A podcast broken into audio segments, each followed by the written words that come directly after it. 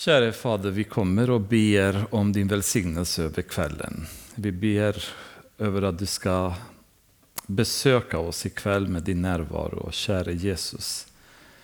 Vi vill tacka dig för att vi får vara tillsammans, att vi kan samlas runt omkring ditt ord och prisa ditt namn, Herre. Jag ber att du ska verkligen låta din närvaro kännas av var och en av oss här ikväll så att vi känner oss omhändertagna, sedda, älskade Herre, omhuldade av dig. Jag ber om beskydd över dina, dina barn som är här ikväll, Herre, var och en av oss. Ha din hand över oss. Beskydda vårt hjärta, vårt sinne från alla Satans angrepp, Herre, och omringa den här byggnaden med dina änglar, Herre, så att det blir en oas av helighet, i den här kvällen här i stöpen.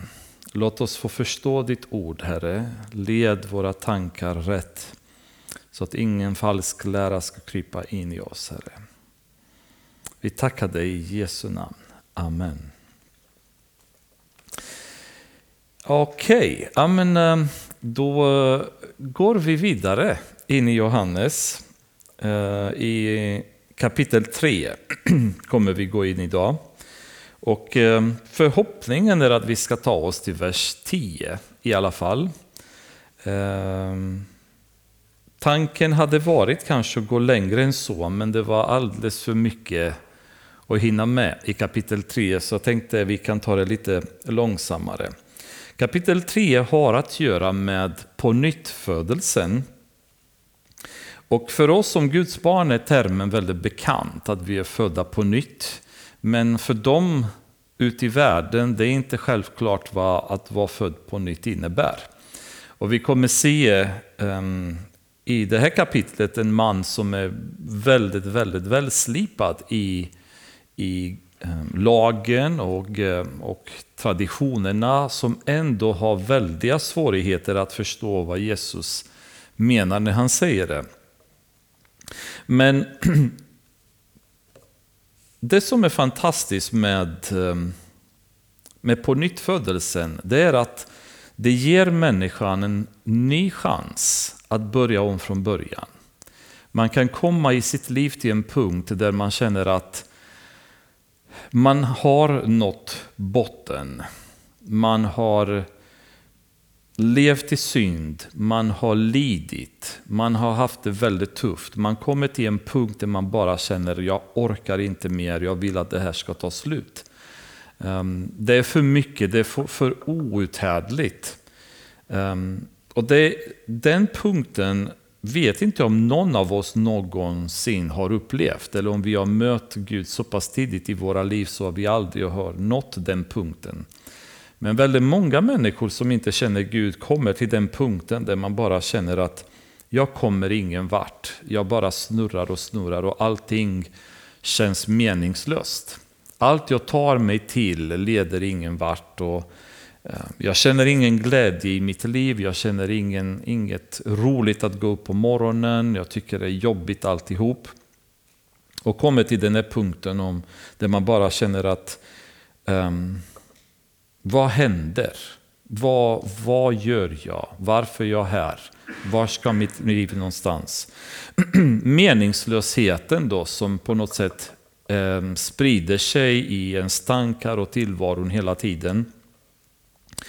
Men om man är missnöjd med sitt liv och man kommer till den punkten, då finns det det här tillfället då man kan bli född på nytt. Man börjar ett helt nytt liv från början, från noll. Och det är ju det underbara med att möta Jesus och det underbara med att bli född på nytt, att bli frälst. Det är att verkligen allting som man har gjort spelar ingen roll därför att nu börjar man om från början. Eh, man har möjlighet att bygga från noll och denna gång med Guds hjälp, med hans ledning, genom heligandens kraft. Och det är ju den här idén nu som Jesus kommer introducera till Nikodemos. Någonting som vi kommer se var väldigt främmande och någonting som han hade väldigt svårt att förstå. Men vi kan börja läsa från vers 1. Bland fariseerna fanns en man som hette Nikodemos, en av judarnas rådsherrar. Så det vi vet om Nikodemos då, det är att han var en farisee och dessutom så var han en som tillhörde det stora rådet. Och det stora rådet bestod av 70 um, ehm, kan man säga, lagmän och det fanns fariseer och sadduceer som var med i Stora rådet. Och dessa var vad man skulle kunna kalla den absoluta auktoriteten i Israel. Ehm, nuvarande i Sverige skulle man kunna säga högsta domstolen. Ehm, de hade dock inte bara auktoritet över Israel utan över alla judar som fanns över hela världen. Så de hade en, en religiös auktoritet, en moralisk auktoritet över alla som var judar. De underordnade sig kan man säga Stora rådets auktoritet och Stora rådet bestod av 70 eh, sådana personer och Nikodemus var en av dem. Så man kan väl säga från början att han var en mycket lärd person. Vi vet att när Paulus eh, berättar om hur han var som fariseer då, då slutar han kan man säga sin beskrivning med att enligt lagen så var han eh, rättfärdig, var han fläckfri. Så levde fariseerna. Ehm, de såg de första fem Moseböckerna som lagen och sen så hade de en annan kod av lagar som heter Mishna.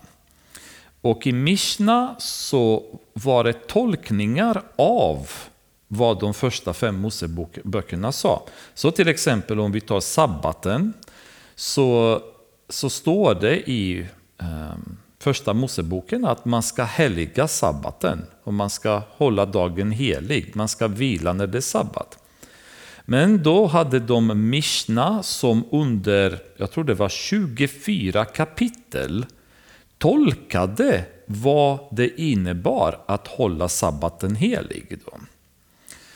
Ehm, och det gjorde de med väldigt många andra lagar. Sen hade de Talmud och Talmuden var den som tolkade Mishna. Så hade de byggt lag på lag på lag med väldigt invecklade påbud om hur de fem Moseböckerna egentligen ska efterlevas. Och en farisee var den som efterlevde alla de här koderna som Mishna och Talmuden och de femte Moseböckerna hade. De levde Eh, väldigt strikt till att uppfylla de här lagarna in i det minsta detalj. Jesus anmärkte det några gånger när han pratade med dem, när han, han konfronterade dem med, sin, med deras hyckleri, som han, han eh, bekräftade faktum att ni är så noga med att leva så och så och så, men ni glömmer bort det. Så att han, han visar också själv att ni är väldigt, väldigt strikta med hur ni tolkar och hur ni lever. Och Nikodemos var inte bara en farisé, men han var en av de 70 medlemmar i Stora rådet. Så en person som var onekligen en mycket lärd, eh, mycket hängiven människa när det gäller hans, eh, hans engagemang att känna Gud och följa Gud in i det minsta. Eh, men han, um, han som en rådsherre kan man väl säga, Någonstans på vägen i sin, sitt liv så måste det ha krypit in en känsla av att det här är inte tillräckligt. Det måste finnas något mer. Om ni kommer ihåg så hade Jesus ett möte en gång med en ung man som var också väldigt hängiven. Som kom till Jesus och sa, vad måste jag göra för att bli frälst?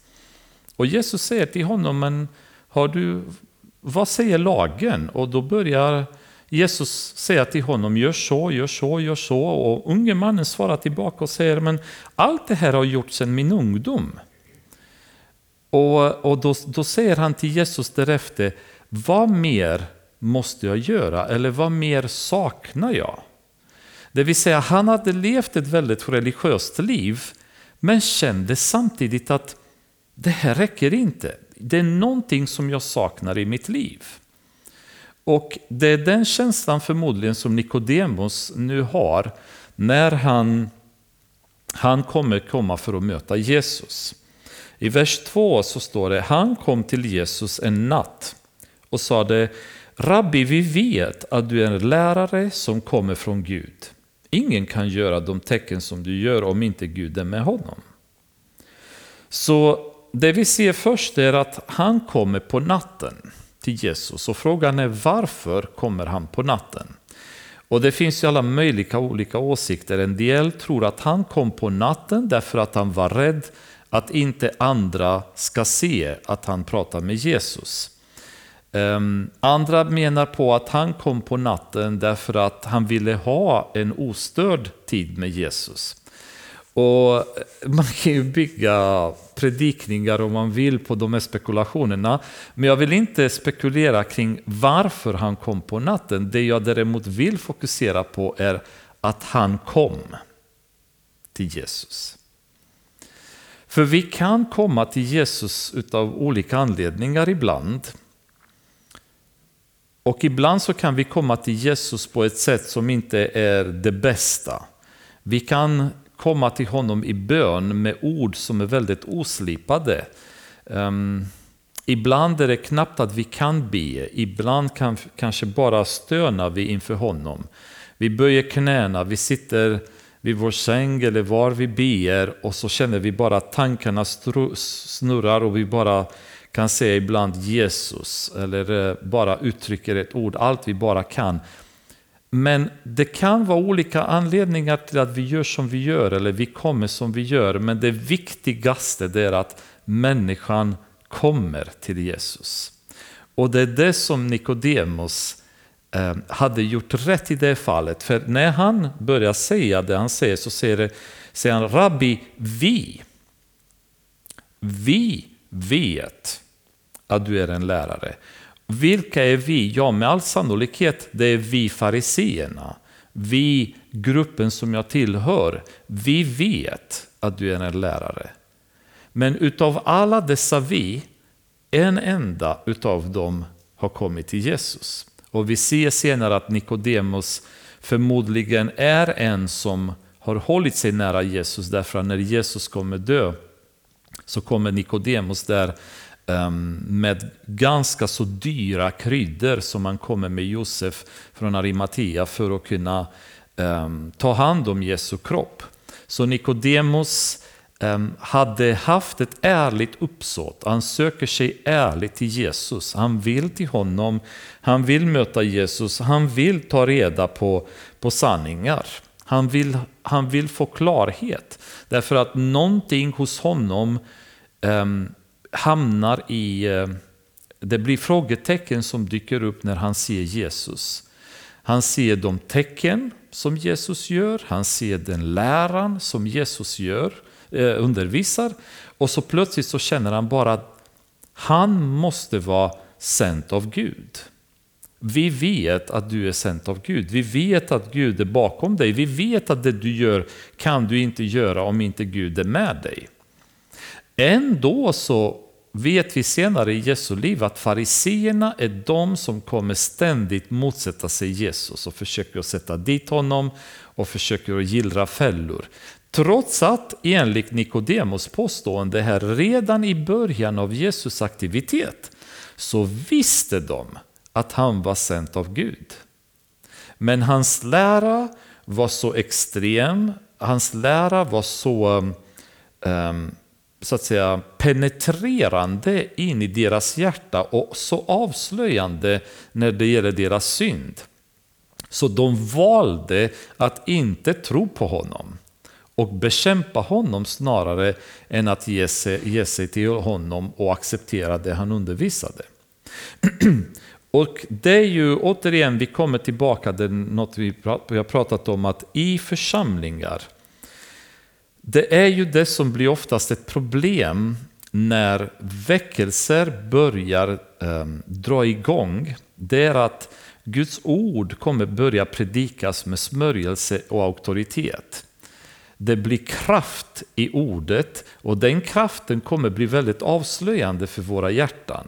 Den kommer penetrera och blotta ut våra synder, det sätt vi lever på. Och då har vi bara två val att göra. Antingen omvända oss, ångra våra synder och krypa till korset eller fortsätta att vara hycklare. Och så börjar vi på då bekämpa den lära som vi upplever är besvärlig för oss. Vi vill inte höra. För vi tycker det är jobbigt. Vem är de att tro att de kan predika sådär? Att eh, avslöja oss på det sättet som de gör. Så jag tror att det är någonting som vi behöver vara beredda på att om Gud Ehm, förbarma förbarmar sig över vår församling och över stöpen och ger en väckelse här, då tror jag många av oss kommer få problem. Därför att de predikningar, det ord som kommer fram, det kommer bli stöttande för väldigt många av oss. Och det kommer bli irriterande, vi kommer ifrågasätta det, vi kommer vara arga, vi kommer vara sura, vi kommer tycka att det här är oacceptabelt.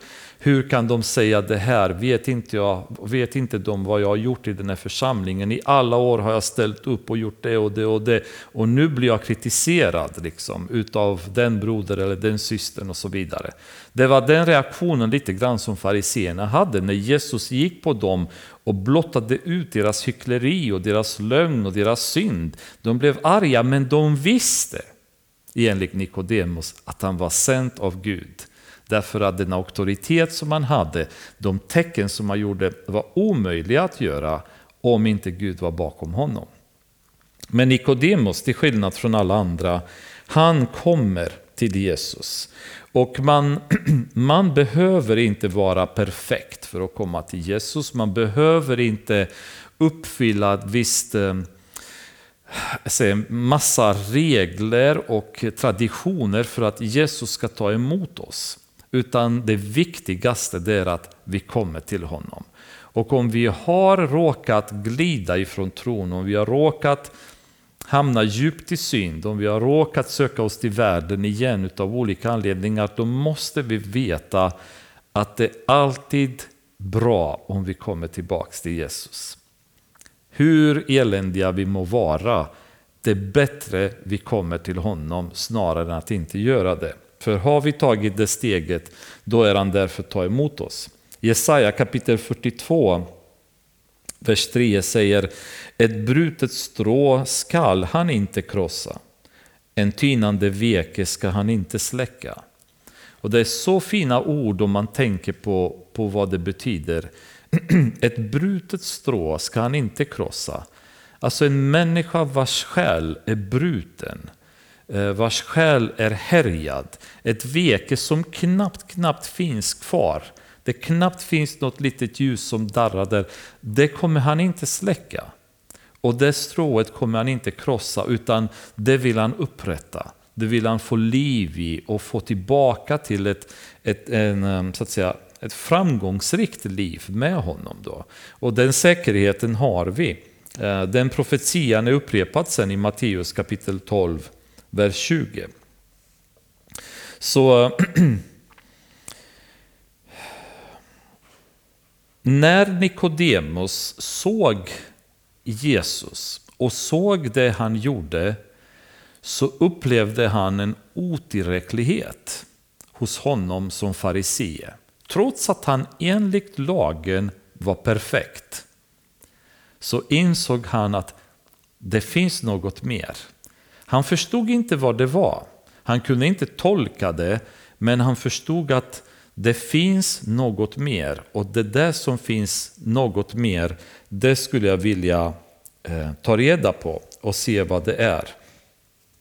Det de såg Jesus göra och det de såg Jesus undervisa var ingenting som han hade tidigare sett eller hört. Inte ens i det stora rådet där så mycket fina människor var samlade. Det var en lära och det var en kraft som de inte tidigare hade bevittnat. Och det gjorde honom fundersam. Det skapade ett intresse, det skapade en nöd i hans liv. Och det är väldigt många kristna, inom situationstecken kanske kristna, eller utan situationstecken. Det kan vara så olika. som i församlingar har vi levt gömma liv i många år. Men innerst inne så känner vi att det måste finnas något mer. Det räcker inte att vi bara lever det här gömma livet utan det måste finnas något mer som vi kan få. Och har vi börjat få den känslan i våra liv så börjar vi närma oss kan man säga, den position som Nikodemus befann sig i. Där det börjar kännas att, att det finns en nöd, det finns ett behov av mer av Gud i våra liv. Det intressanta är dock är att i vers 2 så ställer Nikodemus ingen fråga. Han bara säger, vi förstår att du är en lärare. Han kallar honom för rabbi. Du, du kommer från Gud, för ingen kan göra de tecken du gör som, om inte Gud är med honom. Men då, då svarar Jesus till honom och säger, jag säger dig sanningen, den som inte blir född på nytt kan inte se Guds rike. Märkligt. Har Nikodemus frågat något om att bli född på nytt eller att jag vill veta hur det blir att bli född? Ingenting. Nikodemus har, har, har inte, han hinner inte ens formulera en fråga. Och Jesus bara, tjoff, så deklarerar han plötsligt någonting om att bli född på nytt och vad har det med saken att göra? Jo, det, det har det, det vi läste förra gången i kapitel 2, vers 25. Att Jesus behövde inte höra någon vittna om människan. Han visste själv vad som fanns i människan. Han visste direkt vad Nikodemos problem var. Han visste direkt vad som fanns i Nikodemos hjärta. Nikodemos hinner inte ens formulera sina problem innan Jesus direkt ger honom svaret. Och det är det som är så fascinerande, för vi tycker många gånger att Gud inte fattar vad vi går igenom och vilka funderingar vi har och vad vi kämpar med för att begripa i hans ord och hur vi ska leva våra liv. Och han vet mycket väl, långt innan vi kan formulera en bön eller en tanke själva. Och han, han vet vad, vad vårt behov är. Och Jesus omedelbart vet varför Nikodemus är där.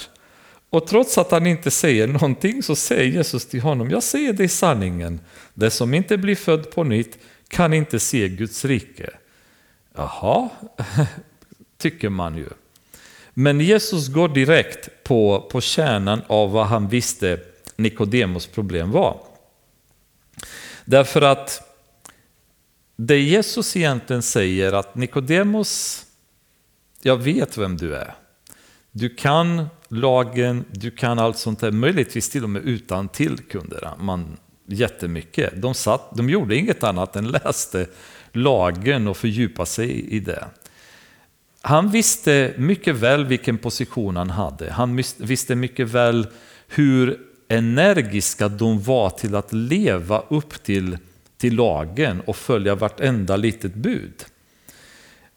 Men det Jesus säger till honom är att Nikodemus, det räcker inte. Det räcker inte.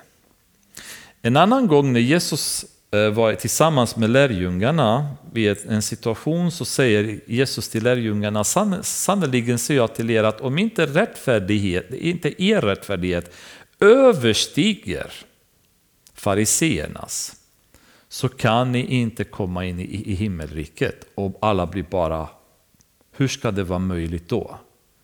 Hur ska vi kunna, för de visste att de här, de här kunde lagen utan till. De bröt inte mot någon liten del av lagen, inte ens det minsta.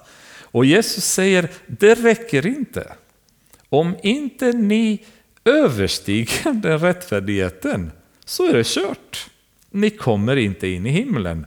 Och förstå paniken som det måste ha slått bland dem då när de förstod det. Därför att i Jesus ögon och i Guds ögon, den rättfärdigheten är inte tillräcklig. För hade den rättfärdigheten varit tillräcklig, då hade inte behövt komma Jesus för att dö för oss. Den rättfärdigheten hade varit tillräcklig. Men Jesus säger att att kunna leva ett liv där genom religiösa handlingar, genom praktiska gärningar kunna komma och och bli födda på nytt är fullständigt omöjligt. Utan på nyttfödelsen handlar om något helt annat. Och det är i själva verket mycket enklare än att leva som en farisee. Men det överstiger deras rättfärdighet. Och det är det han säger nu till Nikodemus, där han plötsligt tar fram det här konceptet inför Nikodemus och säger att den som inte blir född på nytt kan inte se Guds rike. Du kan inte komma in i Guds rike utan att bli född på nytt. Och då kan vi ställa oss frågan, vad är egentligen Guds rike? Och här är liksom min tveksamhet kring huruvida det är rätt att vi går till vers 10 idag eller skulle vi bara stanna vid vers 3? Därför att det är väldigt långt bibelstudium skulle ta och bara diskutera vad i själva verket är Guds rike. Men jag tänker inte göra det, utan det jag vill på något sätt sammanfatta. Det, det, finns ju i alla möjliga, möjliga sammanhang i Bibeln där man refererar till Guds rike, där det kan betyda allt ifrån att det är ju Gud som lever inom oss, att det kan innebära att det är Gud som, som befinner sig på jorden genom heligandens kraft och genom församlingen och så vidare. Det kan innebära hela Guds Ehm, styre över hela universum. Det kan innebära himlen. Alltså i väldigt många olika sammanhang dyker upp Guds rike i Bibeln.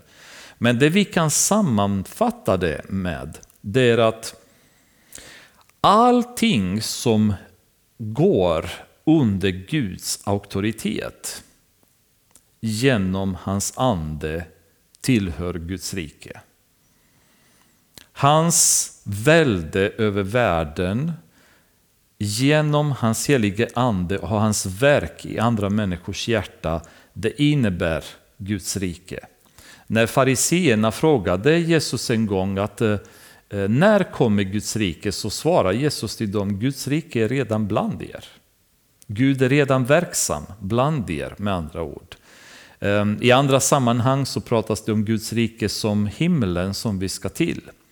Så allt som tillhör Guds herravälde, där han styr genom sin heliga ande, vare sig det är på jorden eller i himlen, är Guds rike. Sen kan man ju laborera väldigt mycket i detalj, men i grunden det Jesus säger till Nikodemus är ju detta. För att komma in i Guds rike, det vill säga för att bli en del av hans familj, för att bli hans barn, så måste någon blir född på nytt. Och Nikodemus som var en så att säga, lagmänniska som tittar på bokstäverna uppenbarligen direkt reagerar i vers 4 och säger bara Hur kan en människa bli född när hon är gammal? Hon kan väl inte komma in i moderlivet och födas en gång till? Så det blir en en krock för honom. Och det är det vi märker hela tiden när Jesus talade med fariseerna, med saddukeerna, med eh, prästerna. De permanent hade svårt att se Guds tanke bakom lagen. De såg lagen hela tiden. Det står så och vi ska göra så här och, vi ska, och då gör vi det. Men de förstod aldrig riktigt varför har Gud sagt att vi ska göra så. Vad var hans tanke? Vad var hans plan? Och det är därför de missade också det faktum att Jesus var Messias. De kunde alla profetierna om Messias från Gamla Testamentet, men de kunde inte förstå principen eller Guds tanke med Messias. De visste att det skulle komma en Messias, men varför? Vad skulle Messias göra när han kom? Det kunde de inte förstå. Och ännu idag, så man frågar judar, ehm, hur kommer ni veta att Messias kommer? Vad, vad kommer tecknet vara för er när Messias kommer? Det de svarar idag det är att han kommer att hjälpa oss att bygga templet. Det vill säga en praktisk handling. De trodde när han var på jorden att Jesus skulle bli kung, att han skulle avsätta romarna och bli kung över Israel. Eh, det världsliga, de förstod inte det andliga med Messias ankomst, det vill säga Guds plan genom hela frälsningsprocessen i Bibeln.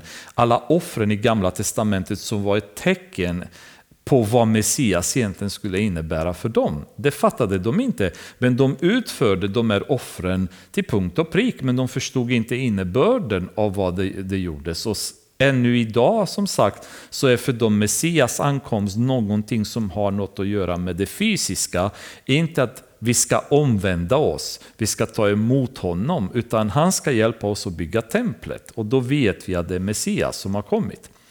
Så Jesus går på Nikodemos på den här andliga nivån och Nikodemos blockerar sig omgående för att han inte är van vid att tänka så. Han bara kan lagen. Och då fattar han inte liksom bara, vad menar du med att bli född på nytt? Hur kan en människa bli född på nytt? Hur kan man gå in tillbaka in i moderlivet och födas en gång till? Men då svarar Jesus och säger, jag säger dig sanningen.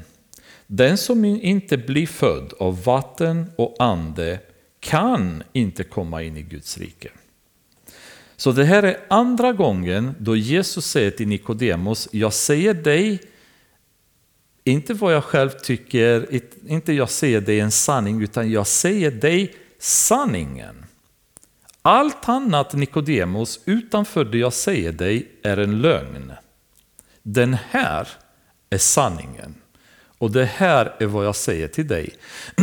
Så vi, vi måste förstå det allvar som Jesus har när han pratar med Nikodemus om detta eftersom han två gånger nu säger Jag säger dig sanningen. Jag säger dig sanningen. Det här Nikodemus är vad du behöver fatta. För det finns ingenting annat. Det här är, den här är sanningen. Och allt annat utav denna sanning som du må tro på, som du kan försöka göra, är en lögn. Så Jesus är väldigt extrem när han, han eh, eh, talar ut sitt budskap. Han försöker inte att vara inkluderade och, eh, och, alla andra som tror vad som helst, det kommer funka ändå för jag kommer ändå titta på deras hjärta. Och vare sig de gör så eller så, så spelar egentligen ingen roll, bara de är trevliga människor och så. Han säger nej, det här är sanningen och lyssna nu noga på mig.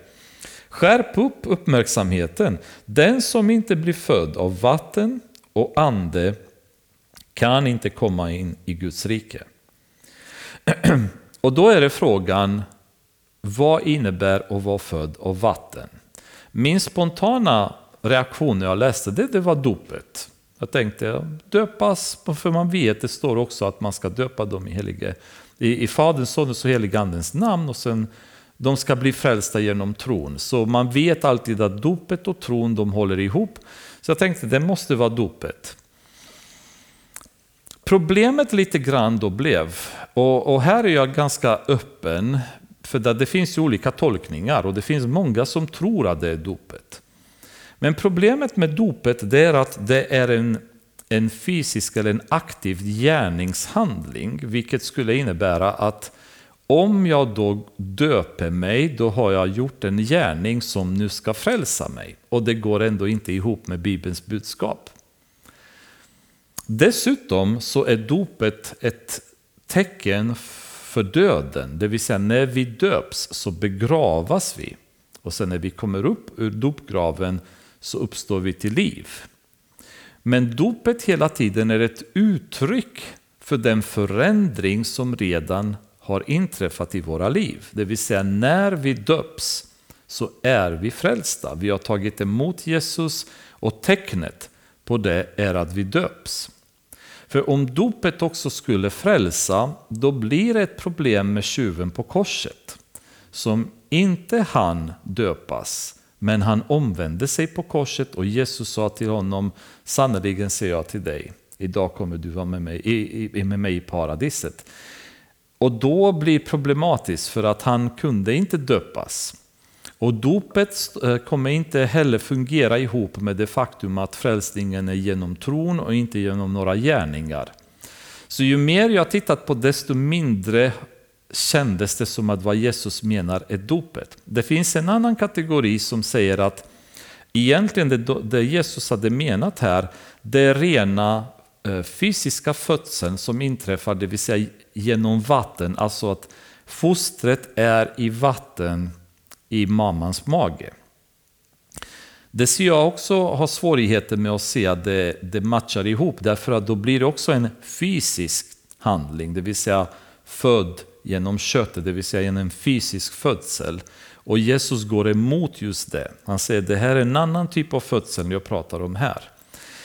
När man däremot börjar titta lite närmare på bland annat hur vattnet används och konceptet av vatten så tenderar jag mycket mer att se att vad Jesus menar är att vattnet i det fallet innebär Guds ord. Det finns ju väldigt många verser vi skulle kunna läsa men i Jakob kapitel 1, vers 18 det står i kraft av sin vilja har han fött oss på nytt genom sanningens ord till att vara en först, först, förstlingsfrukt bland dem han har skapat. Vi vet också att man pratar om att eh, frälsningen eller tron kommer genom predikan.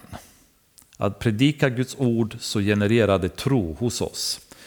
I första Petrusbrevet kapitel 1 vers 23. Det står, ni är ju födda på nytt, inte av en förgänglig säd, utan av en oförgänglig, genom Guds levande ord som består.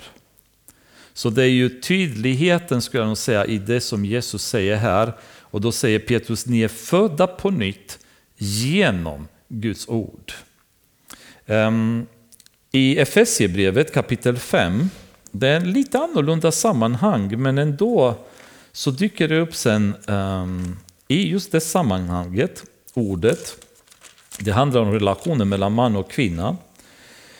Eh, I vers 25 det står så här, ni män älskar era hustrur så som Kristus har älskat församlingen och offrat sig för den.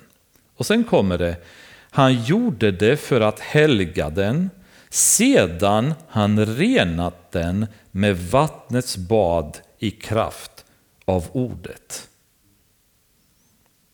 Och vi ser, det finns ju jättemånga andra verser som vi skulle kunna läsa som har att göra med att vi omvänds, vi kommer till Gud genom ordet.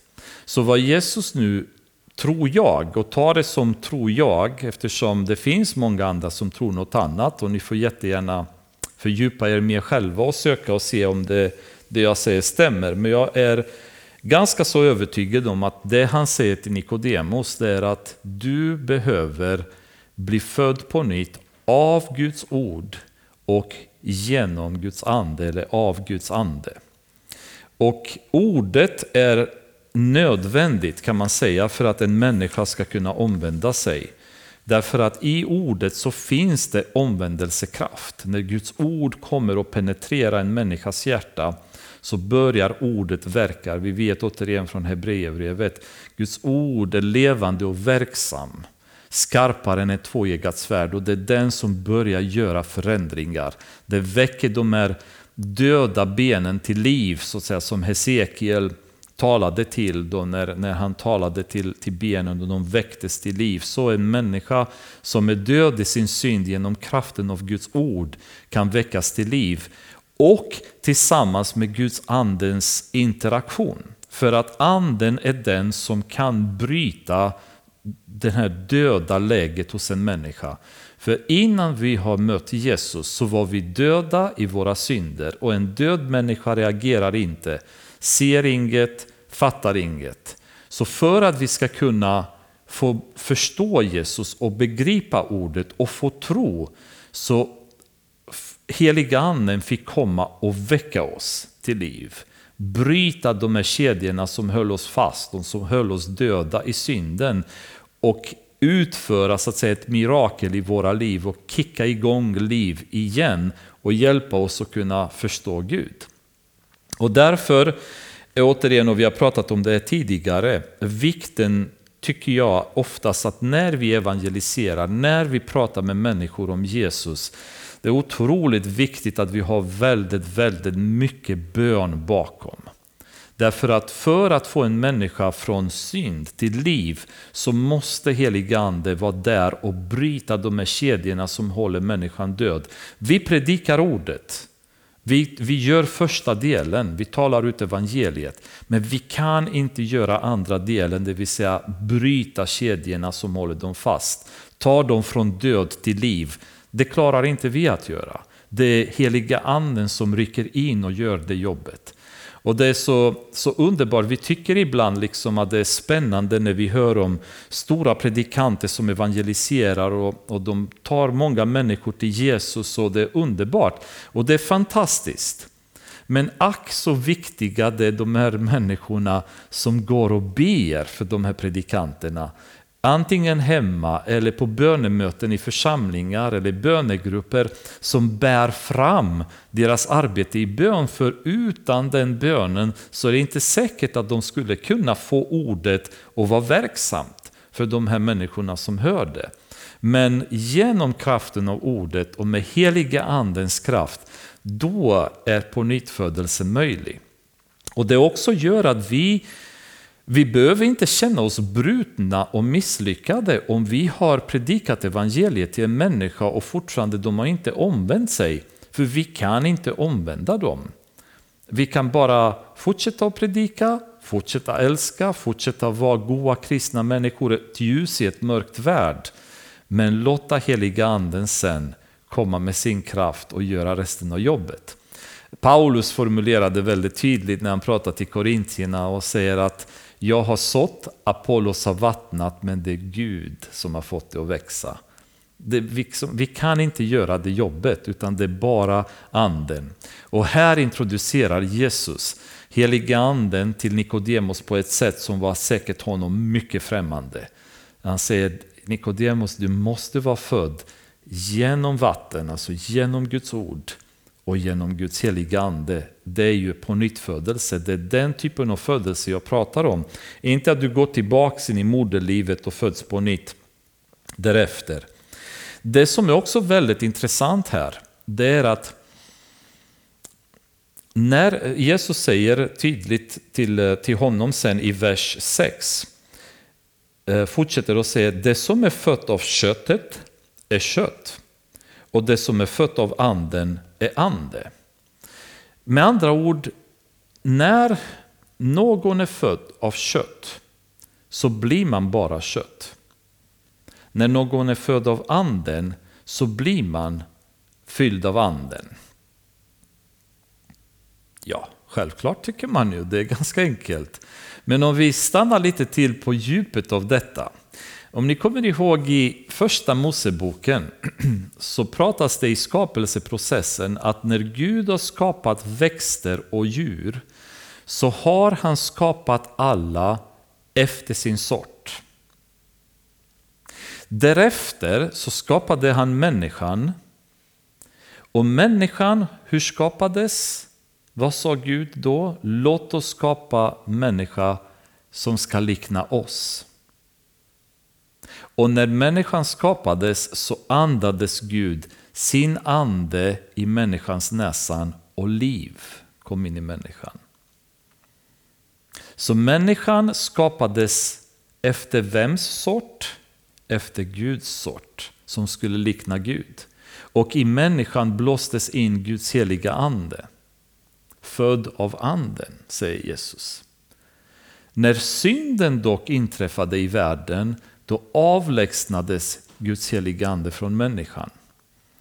Människan hade inte Guds ande i sig längre, människan var bara kött. Och därefter, alla människans arvingar blev ingenting annat än kött fött av kött. Det var allt. Nu kommer Jesus och säger Nikodemos, det finns en annan typ av födsel när du kan bli född genom Guds ord i anden. Och då betyder det att när du blir född i anden, vems arv kommer du fortsätta med därefter? Det blir Guds arv. Vi har till och med en sång som säger vi är Kristi medarvingar. Vi har samma genetik nu igen som var tänkt från början att vi skulle ha då börjar vi efterlikna Gud nu i våra liv. Det vill säga vi börjar när människor runt omkring tittar på oss så bör de se människor som efterliknar Kristus. Paulus säger till och med, följ mig så som jag följer Kristus. Titta på hur jag lever, titta på vad jag säger. För det ni ser i mig, det är vad ni har sett i Kristus. Därför att jag efterliknar honom. Jag har blivit ympad i Guds träd och Guds natur nu börjar penetrera hela min natur. Min genetik är inte samma som tidigare. För att se vems barn, idag ser till exempel, för att bedöma faderskapet eh, hos ett barn, vad gör man? Man gör ett, en genetisk test för att se i genetiken vem tillhör det här barnet. Och genetiska arvsmassan visar vems barn det är. På samma sätt nu, när vi blir Guds barn, så, så börjar vi få Guds genetik i oss. Vi börjar efterlikna honom och när människorna tittar på oss då ser de att de tillhör Gud. De efterliknar Gud. De har Guds kärlek, de har Guds tålamod, de har Guds godhet. De är inte fulla av lögner, de är inte fulla av hyckleri längre. De är inte fulla av otrohet, de är inte fulla av lathet. De ser att alla de här gamla delarna, gamla eh, genetiska eh, dragen som vi hade i våra liv från köttet tidigare, de är borta. Och vi har fått en ny, ett nytt genetisk, eh, eh, en ny genetisk arvsmassa från Gud som gör att nu börjar vi efterlikna Gud. Vi blir mer av honom. Och det, det Jesus säger till, i princip till, eh, till Nikodemos här, det är att det räcker inte, alltså du måste, du måste bli född på nytt. Det räcker inte nu att du tar det liv du har, det vill säga det kötsliga livet, som Guds helige ande har lämnat på grund av synd.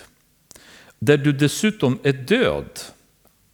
Du kan inte nu ta det livet och säga att men jag, jag går ändå i kyrkan.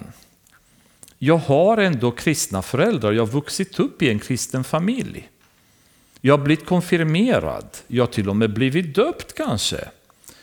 Och jag tycker att jag, jag är ganska hjälpsam i kyrkan. Jag är med och predikar och sjunger och eh, är med i omsorgsgrupper och bakar bullar på söndagar. Jag ger tionde till kyrkan. Lever ett ganska så präktigt liv. Och Jesus säger, det här räcker inte. Du måste bli född på nytt. Du måste bli Guds barn. För allt annat duger inte. För om inte Guds genetiska arvsmassa finns i dig, det kommer en dag där du kommer bedömas att inte tillhöra honom och du kommer inte in i Guds rike.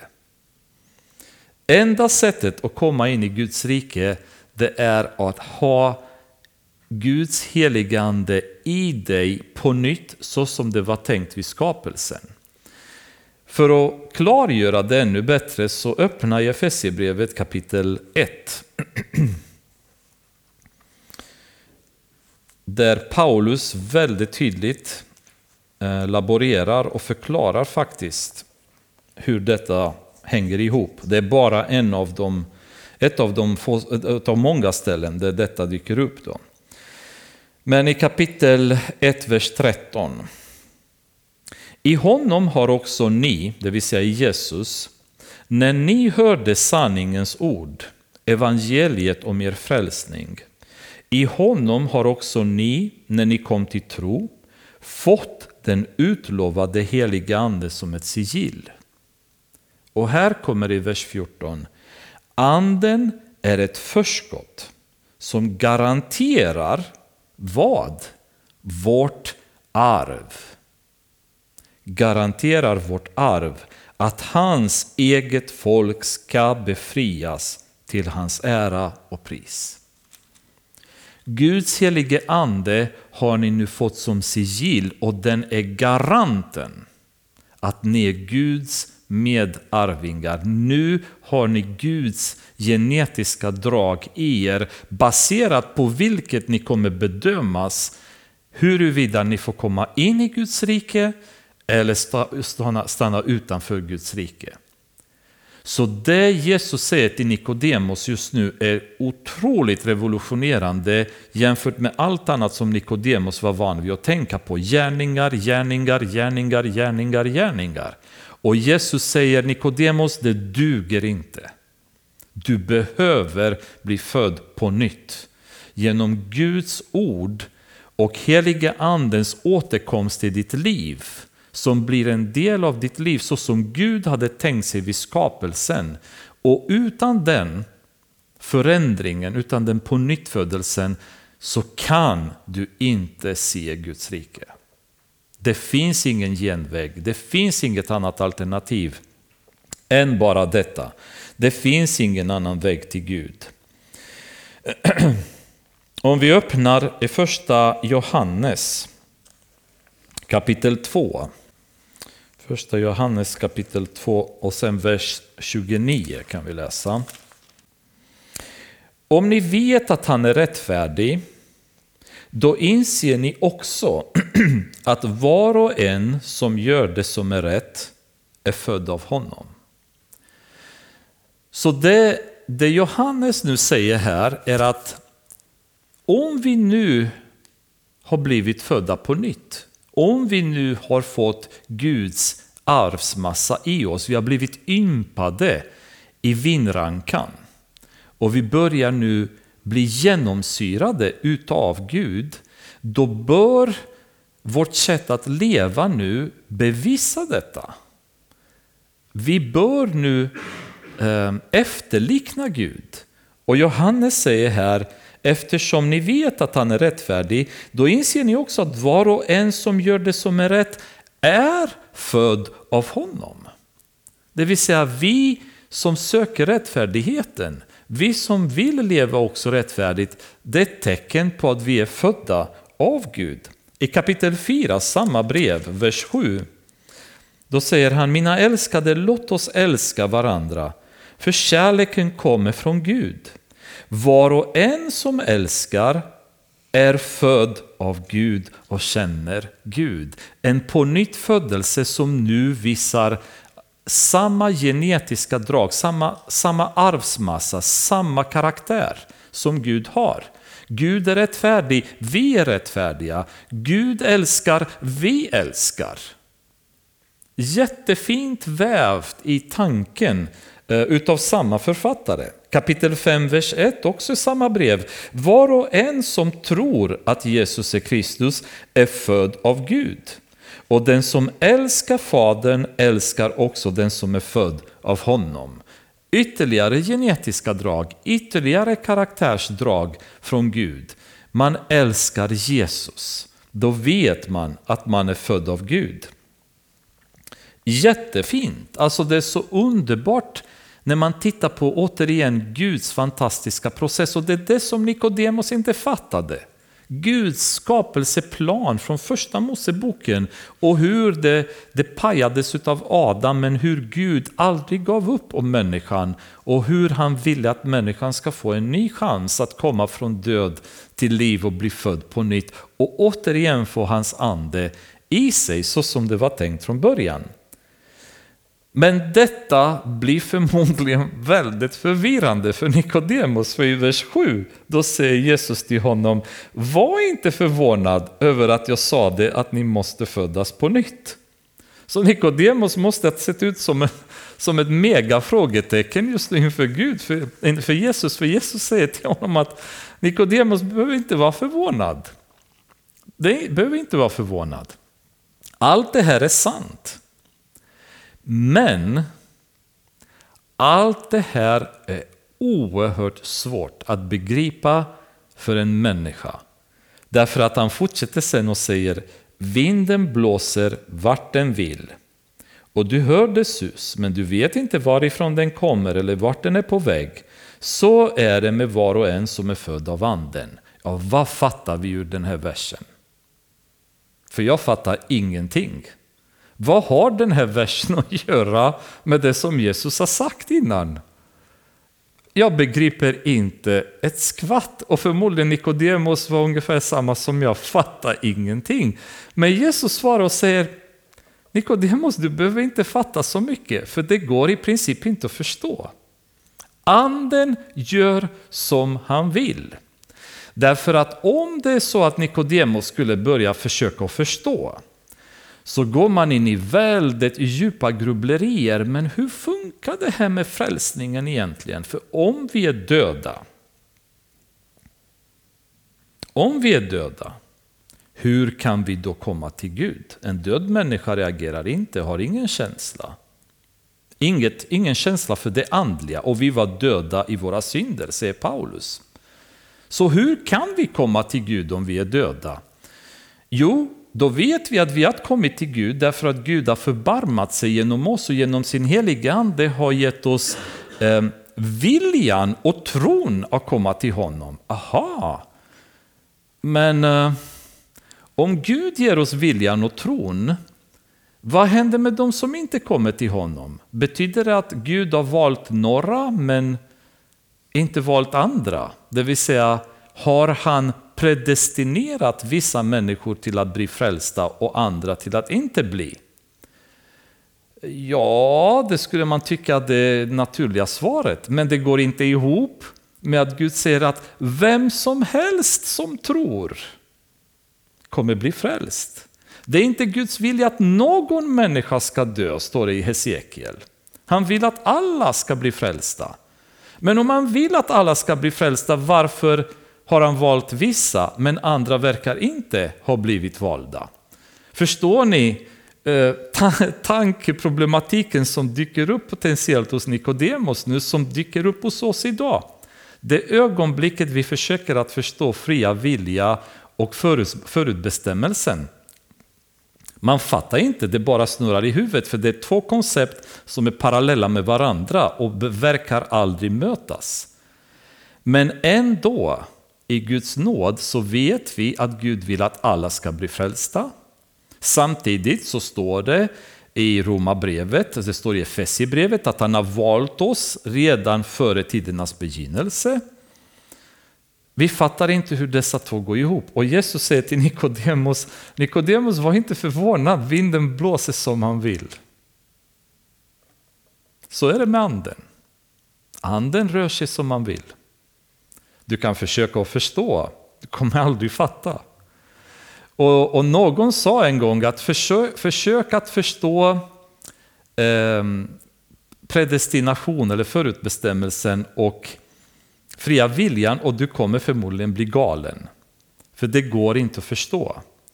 Men det jag gillar, och du sa det en gång för ett tag sedan när vi pratade om det, tror jag var i Efesierbrevet, att för mig så begränsar jag det till en väldigt enkelt sätt att begripa. Och det vill säga att när man vandrar mot himlen, på dörren mot himlen så står det alla som tror ska bli frälsta.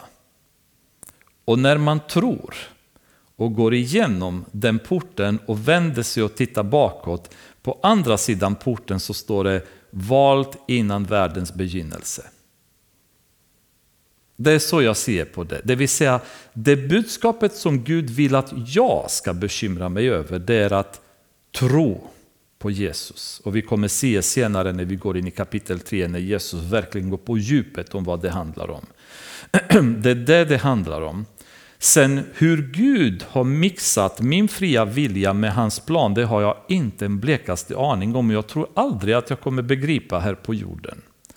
Men det som Jesus säger till Nikodemos, det är att han går inte in i djupare förklaringar än han bara säger Nikodemos, vinden, och det är intressant att han använder ordet, ordet vinden, för på grekiska betyder pneuma, och pneuma är samma ord som används för anden. Och då säger han, vinden blåser hur han vill, och så är det med anden. Du vet inte var det kommer ifrån, du vet inte var den tar vägen, du bara känner dess effekt. Du vet att det blåser, du vet att anden är med. Men varför och hur, glöm det, du kommer inte fatta. Ehm, och han, jag förstår återigen att Nikodemos måste ha varit väldigt besvärligt. För, för då säger han igen, hur kan det gå till? Säger Nikodemos nu. Hur kan det gå till? Och då svarar Jesus, du är Israels lärare. Förstår du inte det här? Det vill säga att du är den som ska vara den mest upplärda i Israel. Så egentligen, vad har du hållit på med i alla dessa år, Nikodemus? Allt den här lagen som du har plöjt igenom, alla dessa läror som du har hållit på med, vad har du använt dem till? Har du inte begripit vad det här handlar om? Så Jesus bara placerar Nikodemus i en sits där han behöver rannsaka sig själv och, och, verkligen tänka på vad är det jag håller på med? Vad är det jag dedikerat mitt liv till? Och har jag bara skrapat på ytan utav, utav det det hela handlar om?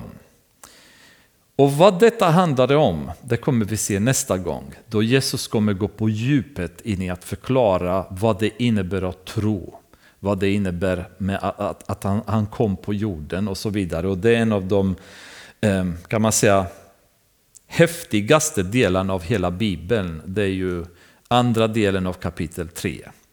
Men vi stannar här för idag och vi bara ber till Herren att vara med oss till nästa vecka. Och käre Fader, vi tackar dig för dessa underbara ord som är så tröstande för oss att veta att du har haft oss i dina tankar före världens begynnelse. Du har viskat i våra öron, Herre, och genom heliga Andens kraft har lyft oss från det döda till liv, Herre. Vi har inte förtjänat det, Herre. Vi har varit fiender till dig. Vi har uppträtt på ett sätt som har varit förkastligt, Herre. Vi har avlägsnat oss från dig och vi har sökt synd. Men du i din kärlek, Herre, har förbarmat sig över oss. Jag tackar dig Fader för att du har älskat oss så mycket. Att du har skickat vår Herre Jesus att dö för oss. Vi har inte förtjänat något av det, men din kärlek har varit så mycket större än vad vi själva förtjänat. Jag ber Herre också att du ska hjälpa oss att ha sån kärlek för andra människor. Du vet att det är svårt Herre, för vår gamla natur många gånger drar oss tillbaka. Fader, men jag ber att allt eftersom vi lever med dig, att du ska hjälpa oss att förheliga oss, att leva ett liv som ska tillåta dig att ta en större plats i våra liv, Herre. Där våra hjärtan är reserverade för dig och inte till massa synder och världsliga saker. Och att du ska kunna sen genomsyra varenda del av vårt sätt att tänka, att agera och känna, uppträda gentemot andra, Herre. Jag ber i Jesu namn, Herre, om din välsignelse över alla som har varit här ikväll och alla som lyssnar på det budskapet. Låt det penetrera hjärtan och skapa förändringar i Jesu namn. Amen.